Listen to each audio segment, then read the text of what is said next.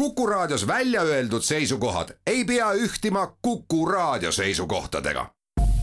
Te kuulate Kuku Raadiot.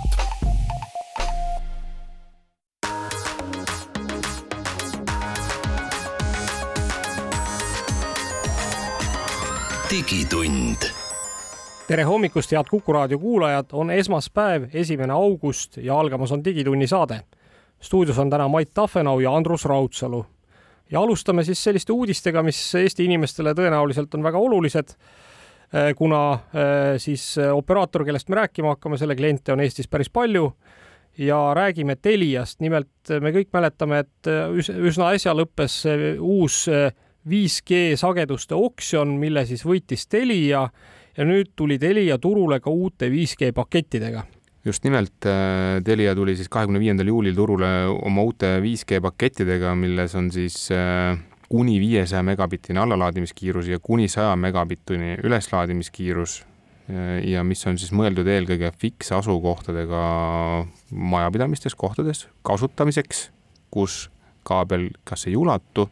või ei võimalda suuri kiiruseid ja meenutuseks ütleme, et, et novembrist kaks tuhat kakskümmend on Telial tegelikult 5G tugi juba olemas olnud telefonipakettides, mis on suuremad kui kakskümmend gigabaiti ja, või suuremad. ja kasutada loomulikult saab siis seda järjest rohkemates asukohtades, et tänaseks on avatud üle kahesaja asukoha ja seda saab kasutada igapäevaselt väidetavalt üle kolmandiku populatsioonist ja ehk siis noh, need, kui nüüd kaardi pealt vaadata, eks ju, et kus need inimesed siis asuvad, eks ju, ja ja kus nad igapäevaselt liiklevad, siis noh, võimekus oleks olemas, kui teil oleks olemas taskus sobiv seade. ja Telia on öelnud, et äh, neil on ka täna üle saja tuhande kliendi, kellel on juba täna 5G toega telefon taskus. ja, ja et oleks aru saada, mis see teenus maksab, siis ma otsisin välja ka uutest piirkondadest, äh, näiteks nagu Tabasalu Äh, ka ühe aadressi, äh, millelt ma nägin, et viissada alla ja sada mega ülesse ühendus maksab nelikümmend kaks eurot kuus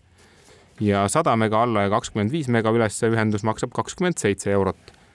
Sinna muidugi tuleb juurde arvestada, et äh, sul on ka vaja 5G modemit ja Telia seda ise sulle ei müü, küll aga pakub renti, nii et sellest lisandub sihuke kümne eurone lisatasu, et Andrus, kuidas sinul 5G internetiga, kas sa vajad kuskil? ja kusjuures ma olen väga õnnelik, et see on olemas seetõttu, et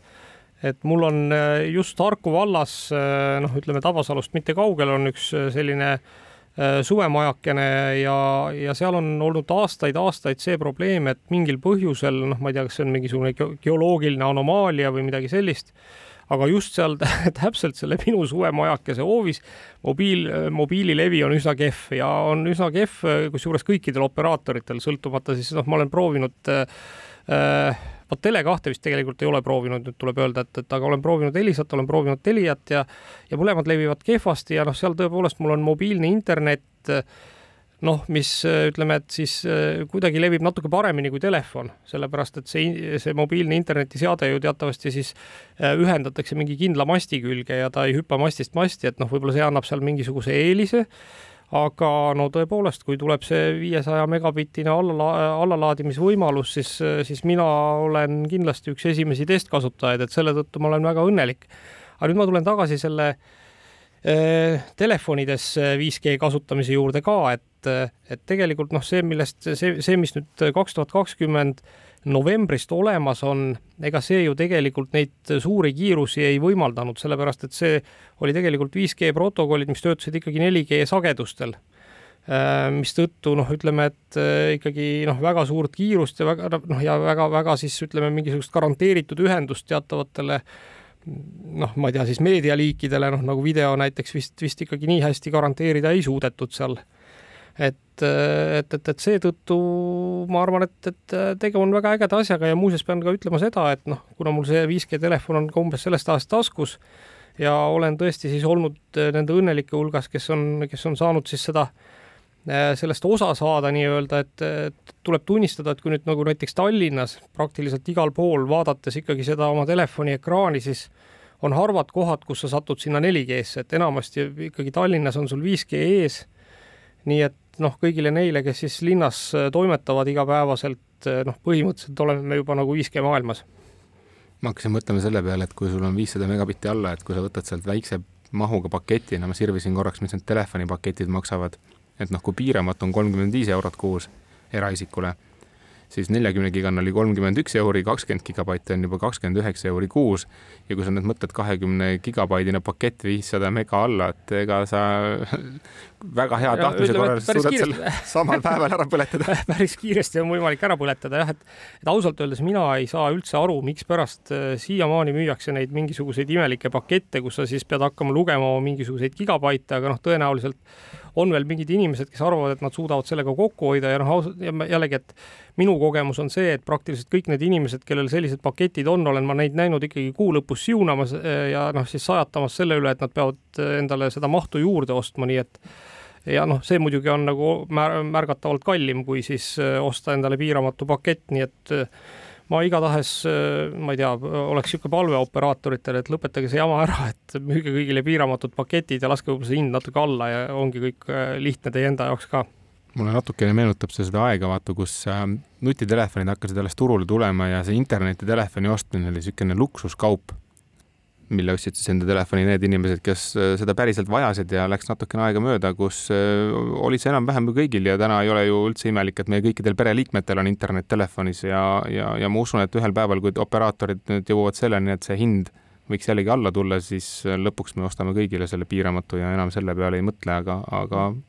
jah, kusjuures mina ikkagi loodan ka seda, et, et me jõuame ühel hetkel selleni, et et kogu maailmas on see maht kuidagi piiramatu ja sa ei pea noh, ma ei tea, minnes äh, mõnda nagu mitte Soome, Rootsi või, või, või, või, või teise sellisesse lähiriiki, kus enamasti kehtivad samad äh, paketid ja samad mahud, mis Eestis äh, et, et sa pead siis mõtlema, et noh, kui palju ma seda internetti siis täpselt kasutan või, või milleks mul seda vaja on, sest olgem ausad olles näiteks äh, kas või kuskil turismireisil mõnes teises riigis, on see internet sulle palju rohkem vajalik, sellepärast et sul on vaja otsida kohti, kuhu minna, kuna sa ei tea kõiki kohti. sul on vaja kasutada kaardirakendusi, kui sul on noh, ma ei tea, mitu inimest peres, kes lähevad erinevatesse kohtadesse linna peal, noh, mõnel juhul on hea ka jälgida, kuhu nad läksid või noh, et sa oled kursis, kus nad on, et noh, need on kõik sellised äh, asjad, mida tegelikult äh, mõistlik oleks, oleks saada kasutada nii, et sul nagu piiranguid ei ole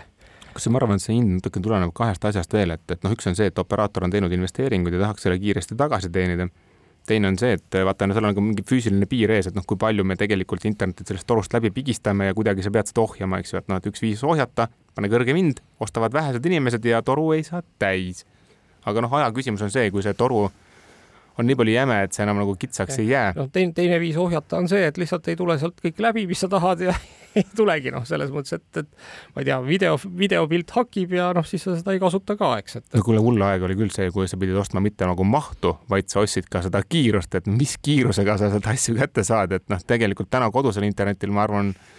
noh, on endiselt see probleem alles, aga mobiiltelefonil ma ikkagi niisugust asja enam ei näe, et sa telefonis saad ikkagi alati täis, täis täiega nojah, aga ega siin on täpselt see, et, et selleks, et saada suuremat kiirust või suuremat ühenduste hulka, tuleb aga järjest püstitada neid samu mobiilimaste, noh, mida ju mitte keegi oma õue peale väga ei taha ega ei igatse, et et eks see on ka üks niisugune igavene probleem, aga siin muuseas noh, mine tea, et võib-olla on sellele probleemile lahendus. et nimelt siis äh, äh SpaceX äh, äh, on esitanud siis äh, sellise või noh, õigemini plaanib endale siis hankida lisasagedusi äh, lisaks siis kahe gigahertsise sageduse, mis, mil, mis tema väitel on siis, läheb kasutusele mobiilikasutajate jaoks. noh, kuidas, mida see täpselt veel tähendab, äh, seda on hetkel raske öelda, kuna see on võetud siis nende siis noh, põhimõtteliselt siis sellele föderaalsele kommunikatsioonikomisjonile tehtud aruandest, aga iseenesest äh, Äh, juba spekulatsioonid sellel teemal käivad, et kas tõesti siis on võimalik ühel hetkel SpaceXi kaudu äh, internetiga ühendada ka telefone. Ja nüüd, kui me sealt mõtleme nagu natuke edasi,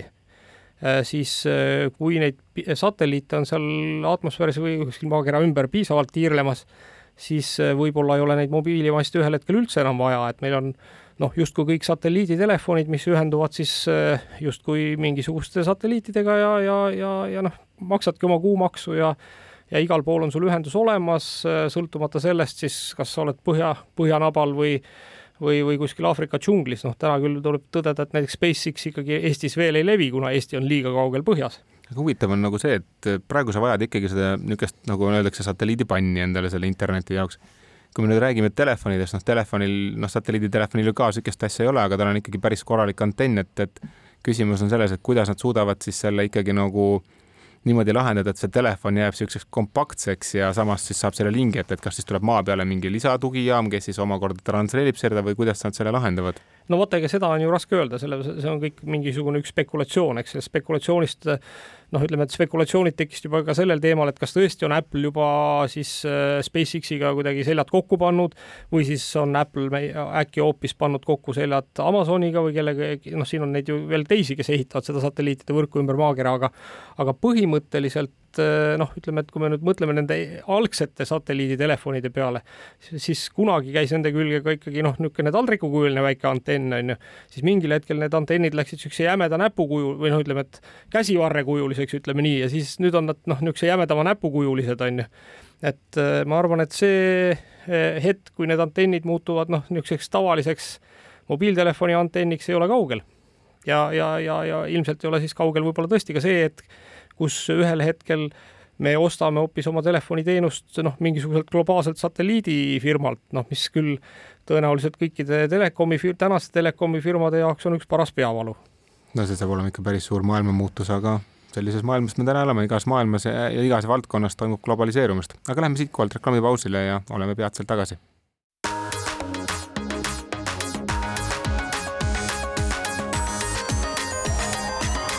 digitund digitund jätkab siit oma teise veerandiga, stuudios on Mait Tahvenau ja Andrus Raudsalu.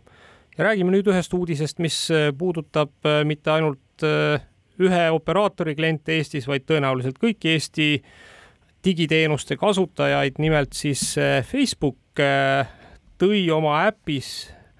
välja siis täiesti uue noh, ma ei tea, kuidas me seda nimetame, teenuse või, või, või siis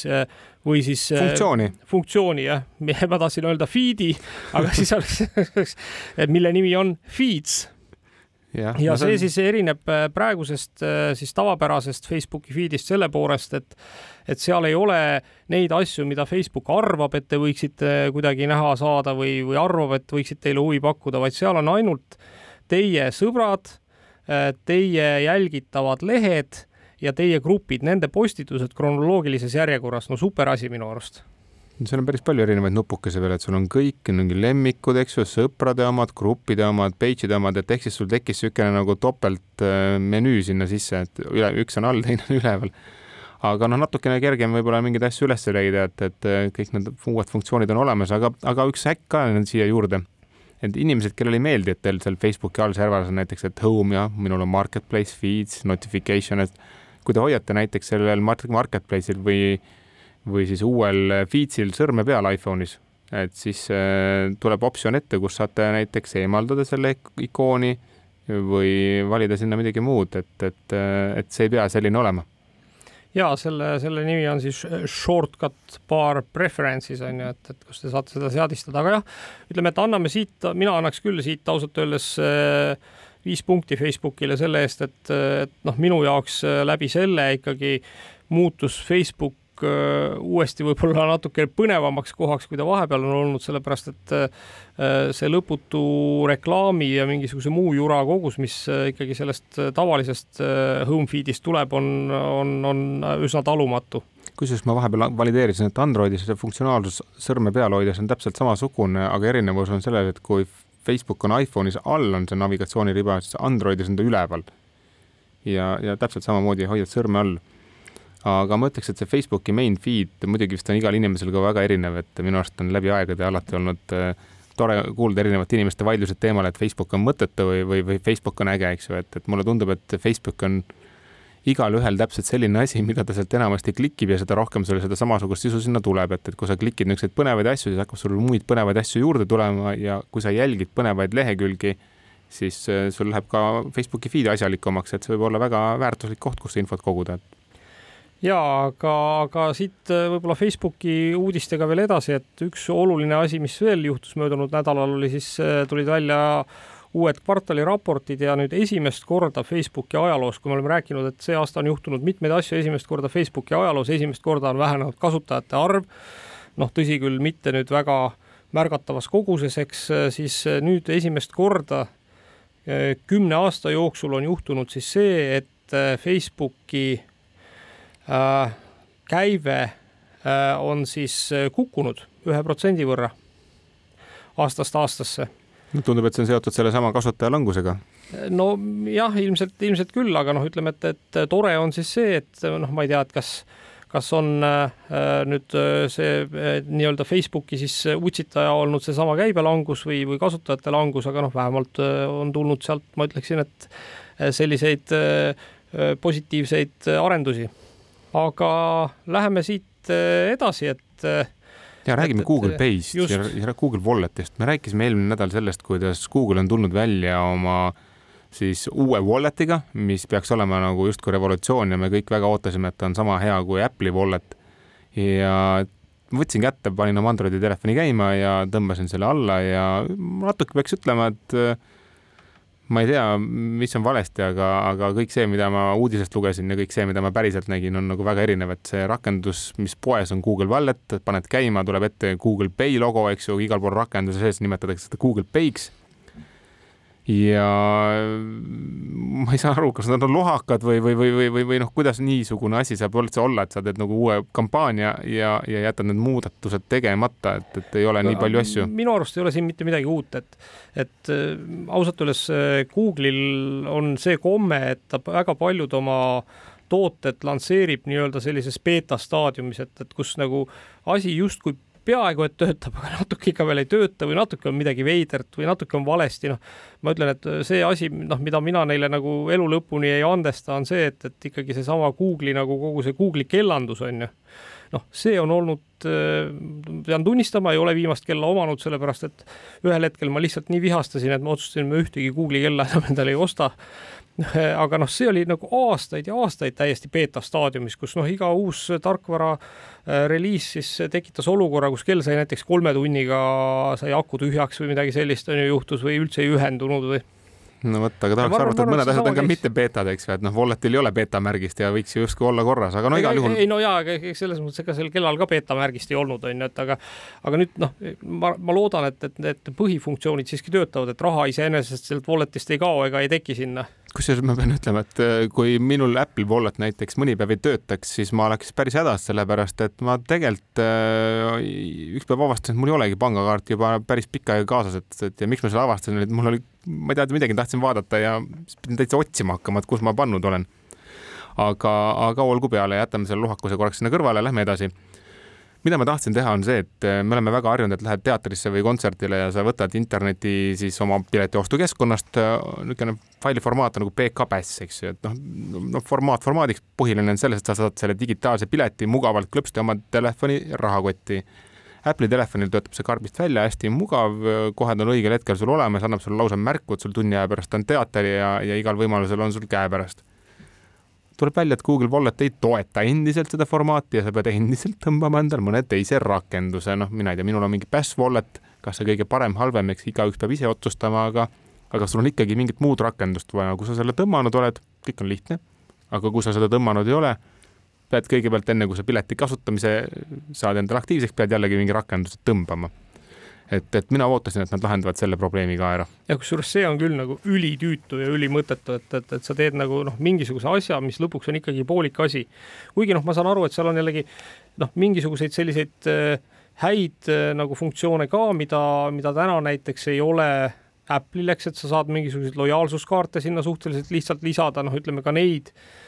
noh, ma ei tea, mida siis kuidagi nagu noh,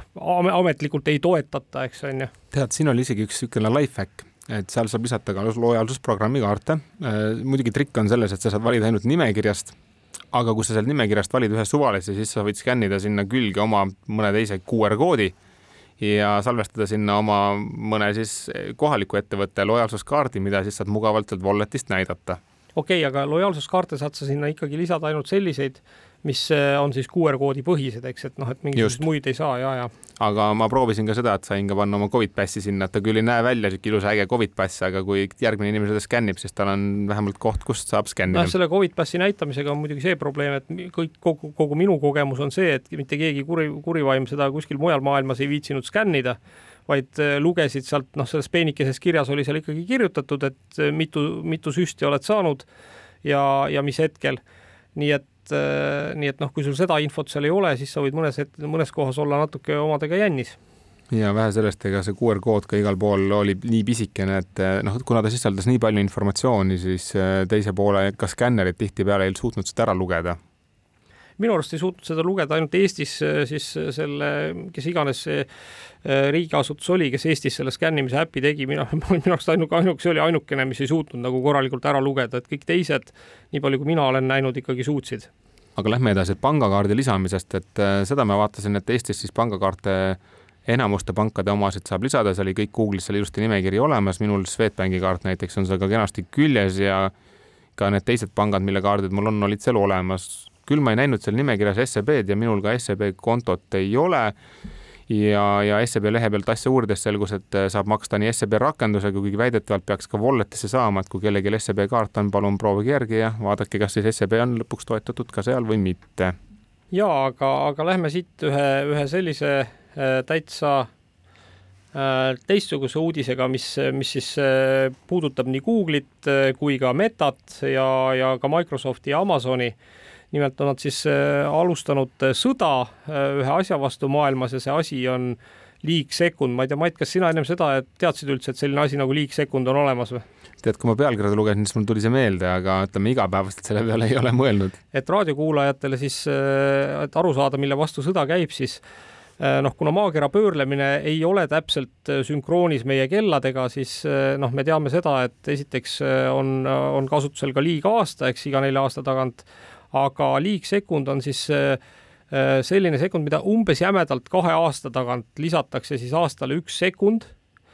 äh, mis siis tagab selle, et noh, ütleme, et kui me seda ei lisaks, eks siis me oleks kuskil sajandiga siis minuti võrra nagu natuke nihkes selle maakera pöörlemisega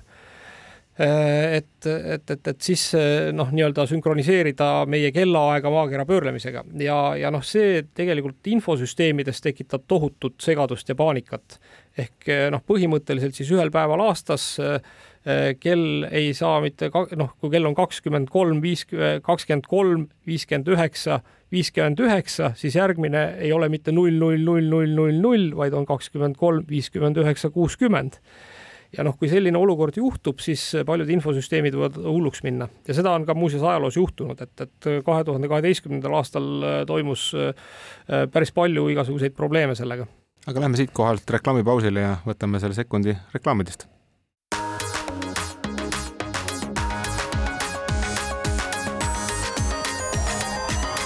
digitund digitund alustab oma kolmanda veerandiga, näpsasime siis selle ühe sekundi reklaamipausist tagasi ja jätkame liigsekundi teemadel, et Mait, räägi, miks see tehniliselt nagu selline nii suur probleem, see liigsekund on? Tead, ma arvan, et tänapäeval sellepärast ei ole, et me arendajana tihtipeale kasutame, vaata need valmis raamatukogusid ja enamasti nagu kusagil on keegi seal ühe korra ära lahendanud ja, ja sa enam selle peale ei mõtle. aga ütleme, paarkümmend aastat tagasi ka iga-aastane Eestis olnud kellakeeramine tekitas alati peavalu ja ma mäletan, et äh, arenduses töötades tuli kogu aeg olla sellel päeval ekstra valmis, et, et äkki sa seekord kuskil ei olnud sellega arvestanud. Kuule, aga sa ütlesid valmis raamatukogust, sa mõtlesid library't, kas, ma mõtlen just, et kas selle eestikeelne vaste on äkki teek või? aga võib-olla ka, võib-olla tõesti sul on jah õigus, et, et seda kõlaks arusaamavalt aga no ühesõnaga tänapäeval on oluline mõista, et, et kui sa kirjutad programmi ja, ja kasutad mingit äh, noh, kuidas ma ütlen, keegi ei kirjuta nullist enam nagu päris puhast koodi, me tihtipeale võtame kuskilt ühe või teise, kolmanda, neljanda jupikese, kasutame erinevaid teenuseid ja siis kirjutame sinna vahele siis selle kihi, mis loob siis selle väärtuse, mida meie tahame saada, et sa kogu ratast ise ei leiuta ja, ja, ja noh, selles mõttes tõesti see nagu väga palju probleeme nagu võtab sinu õlgadelt ära aga noh, on olnud erinevaid juhuseid, kord siitpoolt, kord sealtpoolt turvalisuse poole pealt või, või siis võib vastupidi olla, et võtad kasutusele mõne teegi siis, mis ei toeta näiteks seda liigsekundi asja ja, ja küll sa siis nutad sellel päeval, kui su süsteemid ei tööta. ja see on tõsi, aga lähme siit veel sotsiaalvõrgustike maailmas äh, uudistega edasi, et, et minu, minu jaoks tuli täiesti üllatav äh, Äh, uudis äh, Ühendkuningriikidest, kus siis on tehtud uuring, et millised on inimeste uudisteallikad, kus nad oma uudiseid saavad.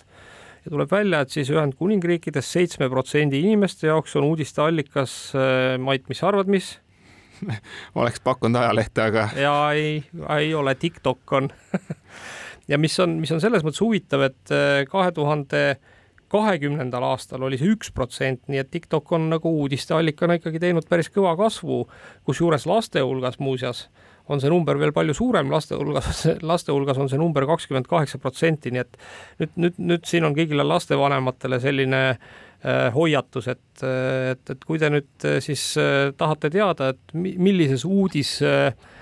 maailmas või, või, või ütleme siis teie lapsed elavad, siis äh, noh, peate võtma lahti TikToki ja vaatama, mida seal näidatakse. võib-olla peame oma digitunni kolima siis TikToki kanalile, kus siis ja aga, aga noh, ütleme, et, et, et muuhulgas äh, muidugi tuleb öelda, et, et kõik ei ole veel kadunud, noh, kui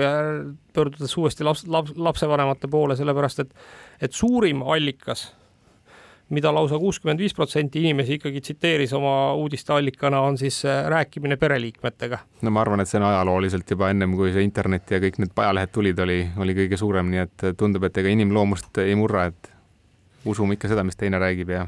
vaatame, mis lehest on juurde jaa, aga, aga siit äh, ma hüppaks hoopis teisele teemale, et, et võtaks korra ette elektriautod.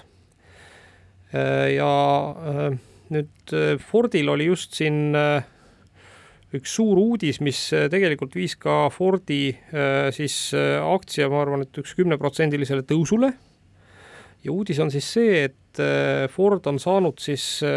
oma elektriautode tootmise, tuleb, tuleb tunnistada ikkagi tõsiselt käima.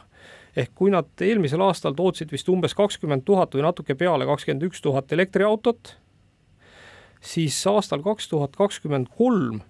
plaanivad nad toota kuussada tuhat elektriautot, see on vist üsna juba niisugune Tesla kandadele astumine ja, ja, ja ka suuremate Hiina tootjate kandadele astumine. ja siis aastaks äh, kaks tuhat kakskümmend kuus äh, plaanitakse lausa kahe miljoni elektriauto tootmist. Ja noh, kui me mäletame, siis Ford äh, siin kevadel lõi lahku oma elektriautode ja siis bensiiniautode divisjonid või noh, ütleme siis sisepõlemismootori autode divisjonid ja, ja, ja tõepoolest äh, tundub, et praegu on äh, neil hea hoog sees ja, ja noh, jahivad vist seda esimest positsiooni seal elektriautode turul no loodame, et nendele elektriautodele, mida nad toodavad, on ka nagu fänne ja, ja tehakse endiselt õigeid panuseid. ja kusjuures, kusjuures see, ma ütleks, et see, mille peale nad tegelikult panuse on teinud ja siin muuseas hästi oluline kogu selle elektriautode tootmise juures on, on küsimus selles, et kas sul on piisavalt komponente, noh, nii nagu meil ju kõikide asjade tootmisel tänapäeva maailmas on see komponentide küsimus. üks olulisi küsimusi on siis see, et kas on piisavalt akusid, millest neid toota ja nüüd tuleb välja, et Ford siis väidetavalt on ikkagi teinud suure panuse Äh, liitium raudfosfaat akude peale, mis on siis akude noh, nii-öelda järgmine äh, noh, kuidas ma nüüd ütlen, arengutsükkel äh, ja mis võib-olla kõige olulisem selle tsükli juures on see, et nad ei sõltu enam niklist, mis on noh, ütleme, et selline metall, mida on noh, mille tarnetega on tänapäeva maailmas teatavaid raskusi ja noh, ütleme, et väga palju niklit ju tuli ka Venemaalt, eks. et et, et, et seetõttu siis eh, need uued akud võimaldavad Fordil äh, oma tootmisplaane täita, nad väidavad, et, et selle kuuesaja tuhande auto jaoks on neil põhimõtteliselt akumaterjalid olemas ja nad väidavad ka, et selle kahe miljoni auto jaoks, mida nad kavatsevad toota aastal kaks tuhat kakskümmend kuus, on juba seitsekümmend protsenti akumaterjalidest olemas, nii et nii et ilmselt nagu siis eh, noh, vähemalt siis akutehnoloogia taha see tootmine seisma ei jää, eks, et noh, mine tea, võib-olla on muidugi lõpuks mingid muud vidinad puudu aga, aga, aga mis oluline veel võib-olla on nendesamade liitium raudfosfaatakude juures on see, et, et nende kestvus noh, nii-öelda ajaline siis kestvus on palju pikem kui, kui tänapäevastes elektriautodes kasutatavatel akudel ehk nad nagu ajas ei vanane nii, nii palju. no kui see ära lahendatakse, siis on ikkagi nagu väga suur samm edasi. tead, aga ma panen siia ühe teise autouudise kõrvale, mis mul silma jäi. et äh, Elon Musk teatas, et nad töötavad selle nimel, et Tesla saavutaks oma sõidukitel äh, hoolduse äh, sama tunni sisse, ehk siis umbes nagu lähed vormel ühega sinna boksi, eks ju, siis tehakse kiiresti kõik asjad ära ja saad kohe autoga minema. et noh, täna tegelikult enamasti sa võid ikka auto hooldusesse, siis sa alles lähed tunde hiljem, eks ju, sellele järgi et elektriautol küll seda hooldust on oluliselt äh, vähem neid komponente, mida seal tehakse, aga noh, see sõltub ka sellest, missugune hooldus on, eks ju, et aga, aga igal juhul ma ei tea, kaua seda. ma just mõtlen, et mida seal elektriautos üldse hooldatakse, et äh, puhastatakse akuklemme või? Vabandust minu äh, no ma kujutan ette, et nad, vahet, nad tõenäoliselt vahetavad ka rehve, eks ju, ja vahetavad gaasipuhastajaid ja, ja Kla tegelikult gaasipuhastaja vedelikku panevad juurde, mis on tavaliselt iga auto hoolduse ikkagi põhiline nagu kasumiallikas aga ma arvan, et ega seal on tegelikult mingeid tegevusi veel, et ka pidurid vajavad hooldust ja nii edasi, et, et noh, päris kõikidest komponentidest lahti saad, selles mõttes tavalise auto hoolduse puhul tõesti sa pääsed õlivahetusest elektriautoga, eks ju, et sa ei no, pea. siiski, siiski, seal on ka transmissiooniõlid on enamasti vist elektriautodel siiski alles, et, et neid tuleb ka aeg-ajalt tõenäoliselt vahetada. Vot ma ei oska kommenteerida, ei oska kommenteerida, igal juhul on põnev, et aga noh, halb on muidugi see, et Teslade hooldust Eestis ju üldsegi ei ole ja, ja, ja see, millest jutt käib, on endiselt ka Ameerika teenindustest aga igal juhul on see äge, et, et niisuguseid samme tehakse ja ikkagi jällegi tarbijale midagi jällegi mõnusamat ja mugavamat. aga lähme siit ühe teise põneva uudise juurde üldse edasi täitsa sellest autotööstusest. et Steamis on üks uus eestimaine mäng, mille nimi on Plastronaut. see maksab viisteist üheksakümmend üheksa ja kaheksanda augustini on ta seal ka viieteist protsendilise soodustusega ja, ja seda on arendatud enam-vähem ühe mehe poolt, keda siis sõbrad natukene väidetavalt aitavad ja, ja ta lubab, et iga kolme kuu tagant teeb ka uuendusi vastavalt kasutajate tagasisidele.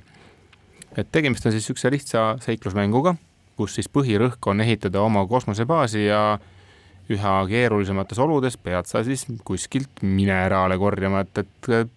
oled sa, Andrus, Eesti mänge, mänge proovinud üldse Steamist leida mõnda, mõnda teist? Jaa, no Disco Elysium on ka minu teada Steamis, Steamis täitsa olemas täna ja, ja seda on võimalik sealt alla laadida. ma ei ole kindel, kas Maci kasutajatel on, noh, Macil on ta on. eraldi olemas, eks, aga on. ei no ma tean, et ta on olemas nagu, nagu Macil on ta Maci App Store'is olemas, ma ei tea, kas ta Steamis on, aga PC kasutajal on ta Steamis ka olemas nii et ja Disco Elysiumit ma olen mänginud, tõsi, tuleb tunnistada, et mitte väga kaugele, noh, lihtsalt aega ei ole, aga, aga noh, kes kõik, kes ei ole, soovitan kindlasti proovida, aga aga noh, selles mõttes, et ega Eesti mängutööstus kui selline on ju iseenesest ikkagi päris pikkade traditsioonidega, et noh, eh, julgen siin meenutada, et et noh, ütleme Eesti esimene IT-edulugu äh, noh, Skype ja, ja enne seda ka Saaja, eks. et see ju kõik sai alguse sellest, et Jaan Tallinn ja Priit Kasesalu äh, programmeerisid vist, ma arvan, et aastal kaheksakümmend üheksa mängu nimega Kosmonaut nii et me oleme nagu ringiga saanud, jõudnud siis tagasi samasse kohta. no igal juhul on hea meel näha, et äh, üks järjekordne Eesti mäng on Steamis saadaval ja, ja muuseas, mulle tuli meelde ka see ettevõte, keda ma ei suutnud meenutada, Creative Mobile loomulikult on selle nimi, kes siis äh, tegi äh, siukseid väga populaarseid rallimänge, mis eriti vist Androidi platvormil olid populaarsed, aga kui ma täna vaatan praegu siis seda Creative Mobile'i lehte, äh, siis ka neil muuseas on Steamis mõned mängud. no on, mida avastada ja isegi VR-mäng muuseas on üks neil, nii et äh, noh, saab, äh, vaadake järgi, Into the Radius on selle nimi. aga lähme siit reklaamipausile ja oleme peagi tagasi oma viimase veerandiga.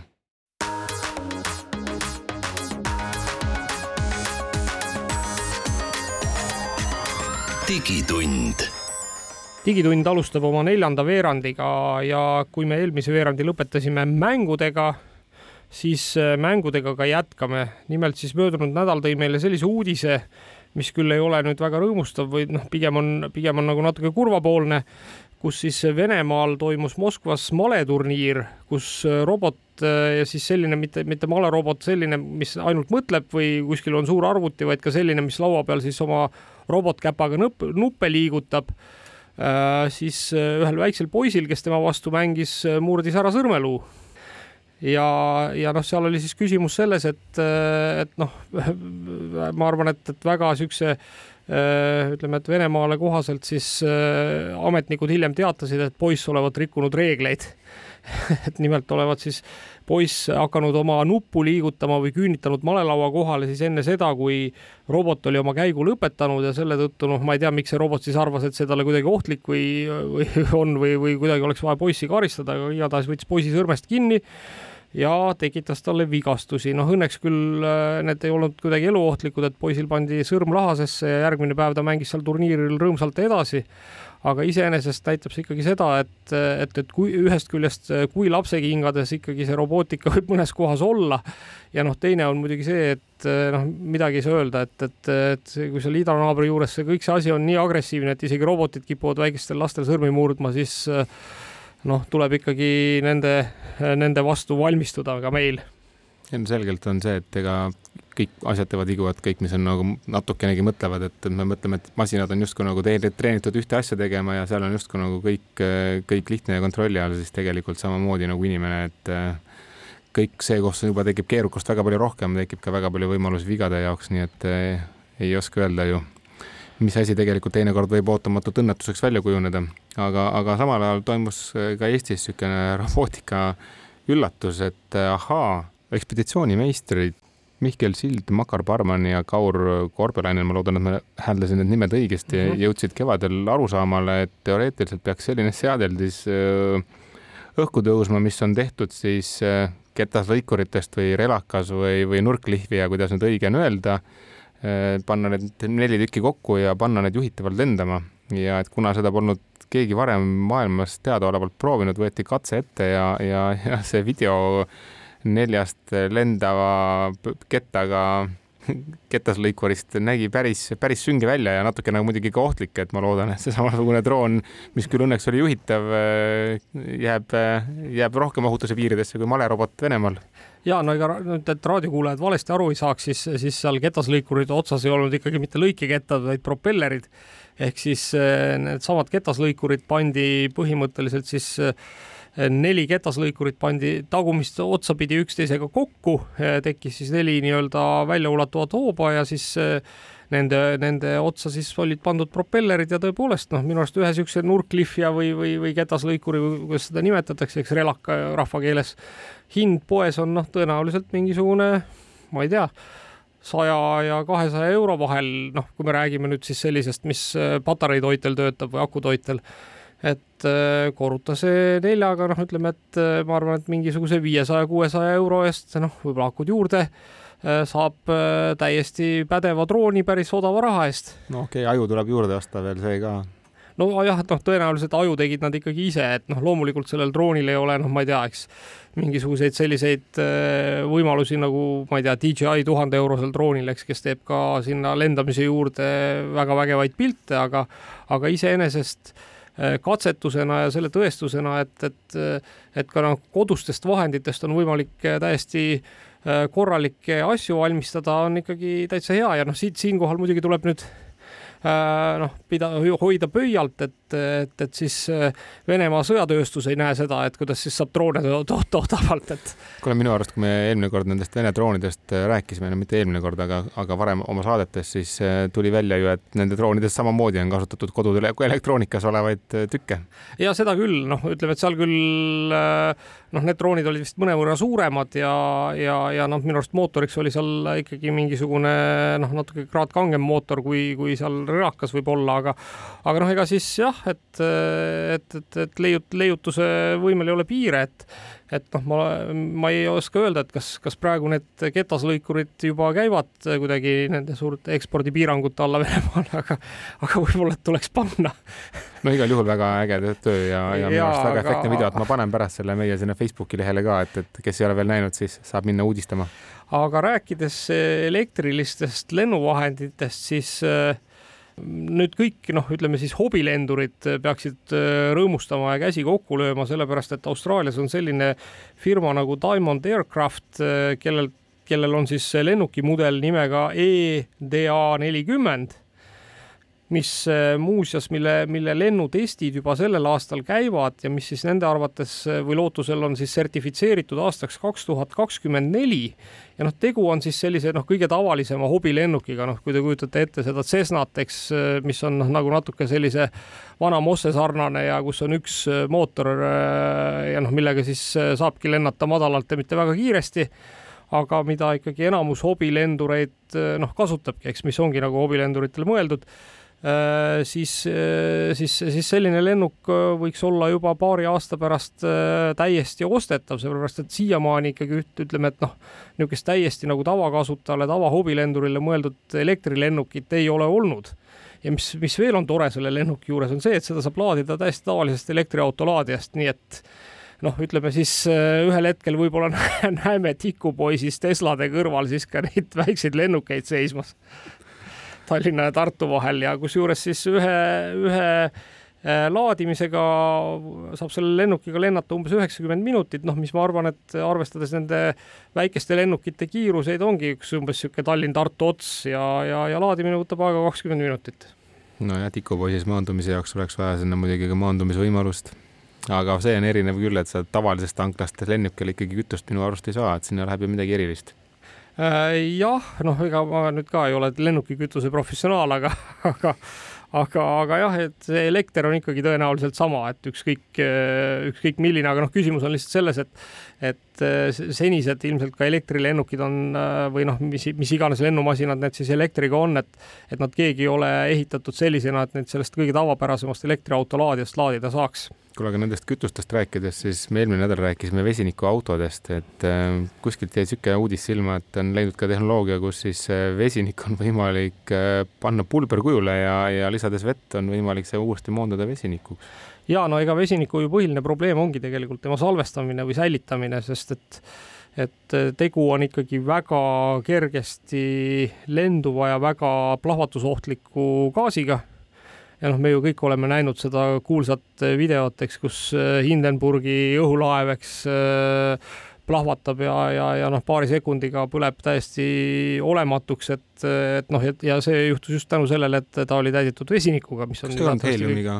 ei, noh, vanasti täidetigi neid dirižaableid vesinikuga, sest vesinik on kõige kergem gaas, teatavasti kergem kui heelium. aga, aga noh, ütleme, et teda oli ka tollel ajal osati toota paremini kui heeliumit, eks nii et, äh, nii et noh, heelium tuli hiljem just sellel põhjusel, et, et äh, vesiniku kasutamine ongi ohtlik. aga nüüd siis on üks Hiina firma äh, E-Pro töötanud välja siis sellise pulbri, mis on põhimõtteliselt ränil põhinev pulber ja ja, ja mis suudab siis enda sees vesinikku hoida ja, ja noh, ütleme, et see vesinik saadakse sealt kätte siis väga-väga lihtsal meetodil, et lisatakse sellele pulbrile vett ja ja, ja, ja tulemus on siis liiv ja vesinik. nii et auto sõidab ühest otsast tuleb õhku ja teisest otsast pudiseb teisest otsast pudiseb liiva, jah liivatab teed ära. no ütleme niimoodi, et äh, selgelt arusaamine, et meil on vaja rohelisemat maailma, võib-olla eriti autode poole pealt on tekkinud, tekitanud koha, kus investorid ja, ja niisugused arendajad on siis otsimas vähemalt lahendusi ja neil on motivatsiooni seda teha ja aga, aga see on selles mõttes on, on ka nagu oluline, et, et, et tegelikult seesama pulber ikkagi suudab seda vesinikku päris suures koguses siduda. Et nad on toonud ka näite, et kui näiteks üks vesinikutanker, see on siis laev, eks, mis sõidab ringi, on ju, mis siis vesinikku äh, nii-öelda laiali veab, on ju, suudab peale võtta kaheksakümmend kaheksa tonni vedelat vesinikku, siis äh, Äh, tavalisse merekonteinerisse, siis selle, selles, selles pulbris salvestatud kujul on võimalik siis panna kaks koma seitse tonni vesinikku, nii et noh, ütleme, et äh, kui selle vesiniku vedamine hakkab nagu toimuma ka noh, ütleme siis tavaliste merekonteineritega või konteinerlaevadel, noh, ma loomulikult ei oska täna, eks kuidagi äh, öelda, et, et kas see on ka rentaabel, noh, ma ei tea, mahu, kaalu ja mis iganes muude asjade suhtes, aga igatahes, igatahes on see kõva samm edasi, et et, et, et noh, kui ütleme, et siis äh, mingisuguses umbes kolmekümnes merekonteineris on võimalik äh, transportida sama palju vesinikku kui ühe terve nagu nii-öelda tanker, vesiniku tankerlaevaga, siis see on päris äh, kõva sõna ikkagi minu arvates. kindlasti, igal juhul ma arvan, on see ka tegelikult palju mõnusam ja ägedam viis oma autot tankida, et viskad liiva paaki ja lased vett peale aga sellega vist tänase Digitunni lõpetame. ja äh, soovime kõigile oma kuulajatele suurepärast nädalat ja kohtume juba nädala pärast.